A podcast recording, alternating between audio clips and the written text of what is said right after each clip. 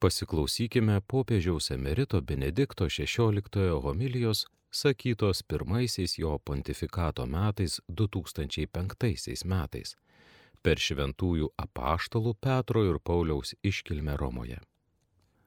Brangus broliai ir seserys, šventųjų apaštalų Petro ir Pauliaus šventė yra ir dėkingas didžiųjų Jėzaus Kristaus liudytojų atminimas ir iškilmingas vienos šventos katalikiškos ir apaštališkos bažnyčios išpažinimas.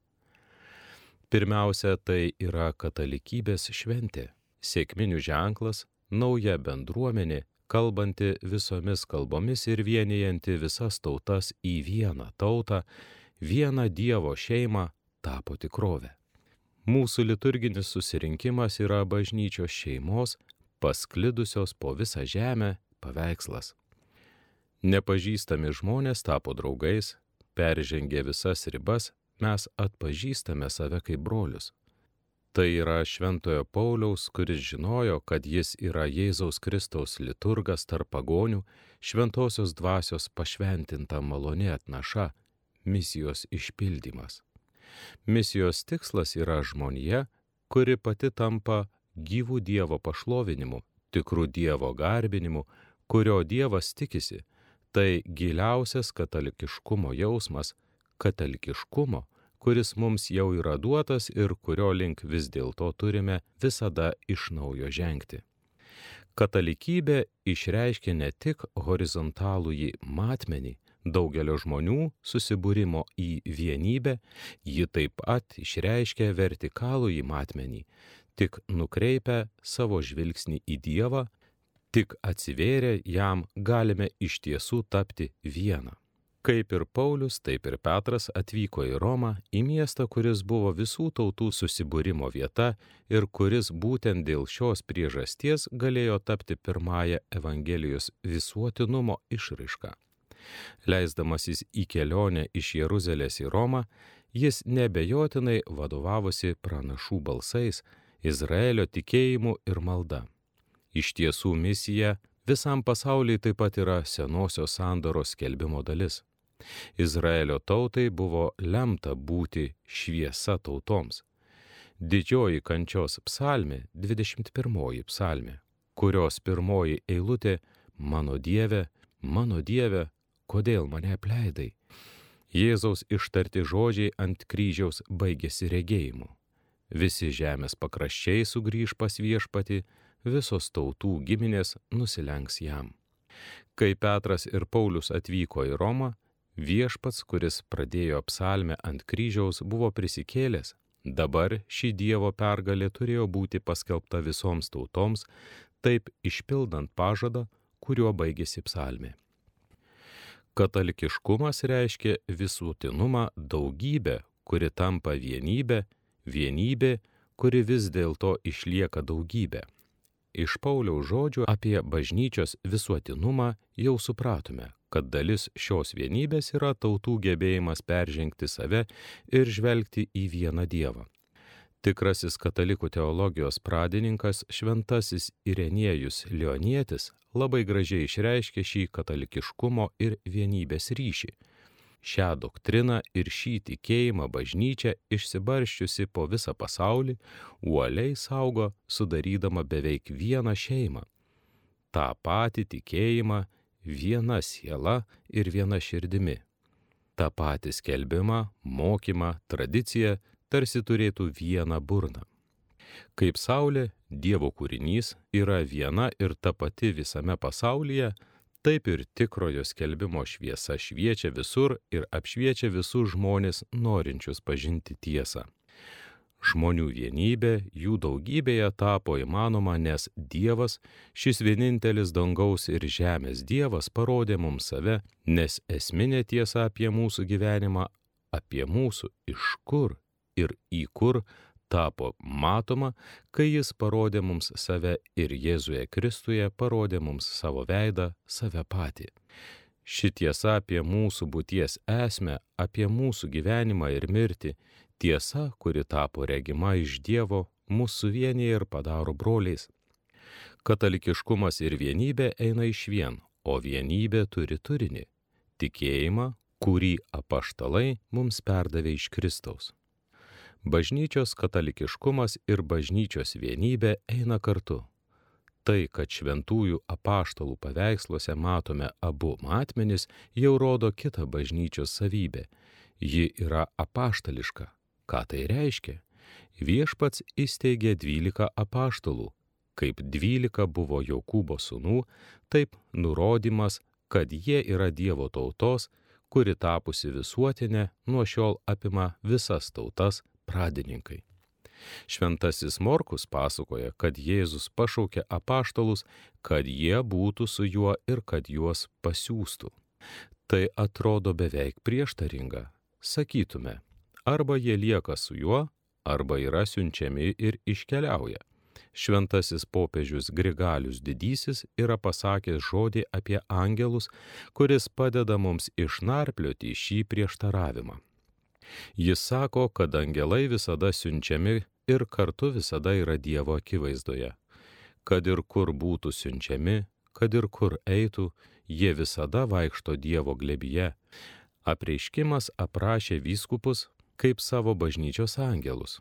Todėl galime tai pritaikyti, apaštalai ir jų įpėdiniai visada turi būti su savo viešpačiu, taigi, kad ir kur jie eitų, visada turi būti bendrystėje su juo ir gyventi iš šios bendrystės.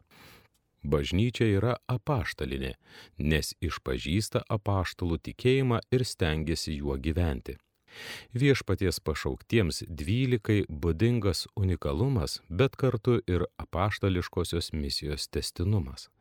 Šventasis Petras savo pirmajame laiške save pavadino bendraturčiu su priesbiteriais, kuriems jis rašo. Taip jis išreiškė apaštališkosios įpėdinystės principą, ta pati tarnystė, kurią jis gavo iš viešpaties dabar tesiama bažnyčioje per kunigo šventimus. Dievo žodis ne tik užrašytas, bet ir liudininkų, kuriuos viešpats sakramente paskyrė apaštališkai tarnystei, dėka išlieka gyvas žodis naujai paskirtiesiems arkyvyskupams dovanojami palijai, kurie per apaštalų Petro ir Pauliaus iškilmę padedami ant Švento Petro kapo. Dabar tai mūsų bendros atsakomybės prieš vyriausiai ganytoją Jėzų Kristų, apie kurį kalba Petras, išraiška. Palijus yra mūsų apaštališkosios misijos išraiška. Tai mūsų bendrystės, kurios regimas garantas yra Petro tarnystė išraiška. Su vienybė, kaip ir su apaštališkumu, yra susijusi Petro tarnystė, kuri akivaizdžiai vienyje visų dalių ir visų laikų bažnyčią, taip apsaugodama kiekvieną iš mūsų nuo klaidingos autonomijos, kuri pernelyg lengvai virsta vidinė bažnyčios partikularizacija ir taip gali pakengti jos vidiniai nepriklausomybei. Tuo nenorime pamiršti, kad visų funkcijų ir tarnyšių prasmė iš esmės yra ta, kad visi pasiektume tikėjimo ir Dievo Sūnaus pažinimo vienybę, tobulo žmogaus būseną tiek, kiek pridera Kristaus brandai, kad Kristaus kūnas auktų, kad statydintų save meilėje. Šios dienos Evangelija mums kalba apie Šventojo Petro išpažinimą, nuo kurio prasidėjo bažnyčia. Tu esi Kristus gyvojo Dievo sūnus. Šiandien kalbėję apie vieną katalikišką ir apaštališką bažnyčią, bet dar ne apie šventąją bažnyčią, šį kartą norime priminti kitą Petro išpažinimą padarytą dvylikos vardu didžiojo apsileidimo valandą. Mes įtikėjome ir pažinome, kad tu esi Dievo šventasis. Ką tai reiškia? Didžiojoje kunigiškoje maldoje Jėzus sako, kad pašventina save už mokinius, turėdamas omenyje savo mirties auką. Taip Jėzus netiesiogiai išreiškia savo kaip tikro vyriausiojo kunigo, kuris susitaikinimo dienos slėpinį įgyvendina ne tik per pakaitines apėgas, bet ir per savo kūno ir kraujo konkretumą funkciją.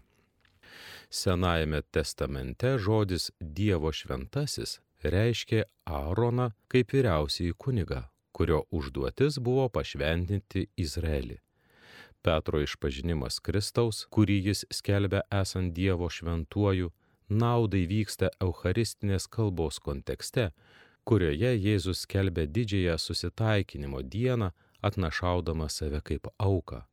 Duona, kurią aš duosiu, yra mano kūnas už pasaulio gyvybę. Taigi šio išpažinimo fone iškyla Jėzaus kunigiškasis slėpinys, jo auka už mus visus. Bažnyčia pati savaime nėra šventa, ją sudaro nusidėjėliai, visi tai žinome ir matome. Veikiau ją vis iš naujo pašventina skaistinanti Kristaus meilė. Dievas ne tik kalbėjo, jis mus labai realiai mylėjo, mylėjo net iki savo sunaus mirties. Būtent iš čia mums atsiskleidžia visa didybė apreiškimo, kurį žaizdos įrašė į paties Dievo širdį. Tuomet kiekvienas iš mūsų galės asmeniškai pasakyti kartu su šventuoju Pauliumi, aš gyvenu tikėjimu Dievo sunaus, kuris mane pamilo ir atidavė save už mane. Melskime viešpatį, kad šio žodžio tiesa su savo džiaugsmu ir atsakomybė giliai įsirėžtų į mūsų širdis. Melskime, kad iš Euharistijos šventumo sklindanti tiesa vis labiau taptų mūsų gyvenimą formuojančią jėgą. Evangelijoje pagal Mata 16 skyriuje skaitome, Tu esi Petras ir ant šitos uolos aš pastatysiu savo bažnyčią. Ką iš tikrųjų viešpat sako Petrui šiais žodžiais, kokį pažadą jis jam duoda kartu su jais ir kokį pavedimą jam paveda. Ir ką jis sako Romos vyskupui, sėdinčiam Petro katedroje ir šiandieniniai bažnyčiai Jei norime suprasti Jėzaus žodžių prasme, pravartu prisiminti, kad Evangelijose aprašomos trys skirtingos situacijos, kai viešpats kiekvieną kartą ypatingų būdų perduoda Petrui jam patikėtą užduotį. Visada kalbama apie tą pačią užduotį, tačiau iš situacijų ir naudojamų įvaizdžių įvairovės mums tampa aišku, kuo viešpats domėjosi ir domisi. Evangelijoje pagal Matą Petras išpažįsta Jėzų, pripažindamas jį mesiju ir Dievo sūnumi. Remintis tuo jam suteikiama konkreti užduotis, kurią jis atlieka trimis įvaizdžiais - uolos, tapusios pamatiniu arba kertiniu akmeniu, raktų ir raiščių, taip pat surišimo ir atrišimo. Šioje vietoje norėčiau atkreipti dėmesį į šių žodžių geografinę vietą ir chronologinį kontekstą. Pažadas įvyksta prie Jordano ištakų, prie žydų žemės ribos, prie sienos su pagonių pasauliu. Pažado momentas žymi lemtingą posūkį Jėzaus kelionėje.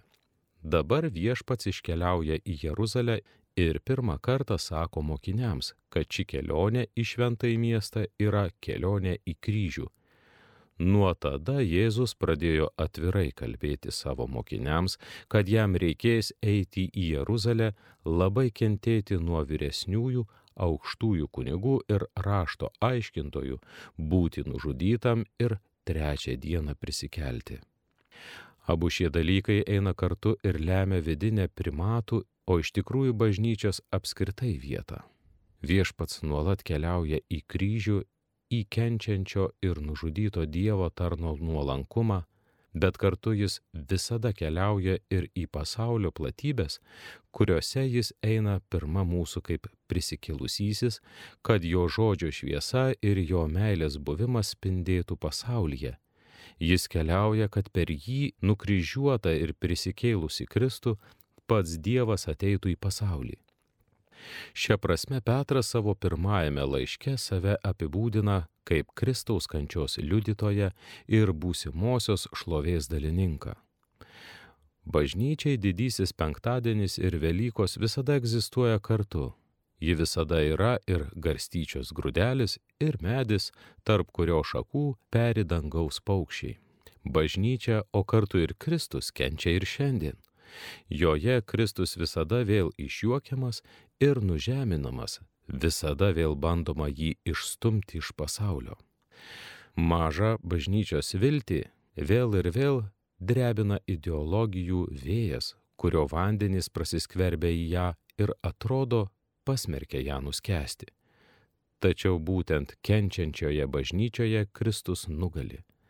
Nepaisant visko, tikėjimas juo vėl ir vėl atgauna jėgas. Ir šiandien viešpats įsako vandenims ir įrodo esas stichijų viešpats. Jis lieka savo valtyje bažnyčios laive.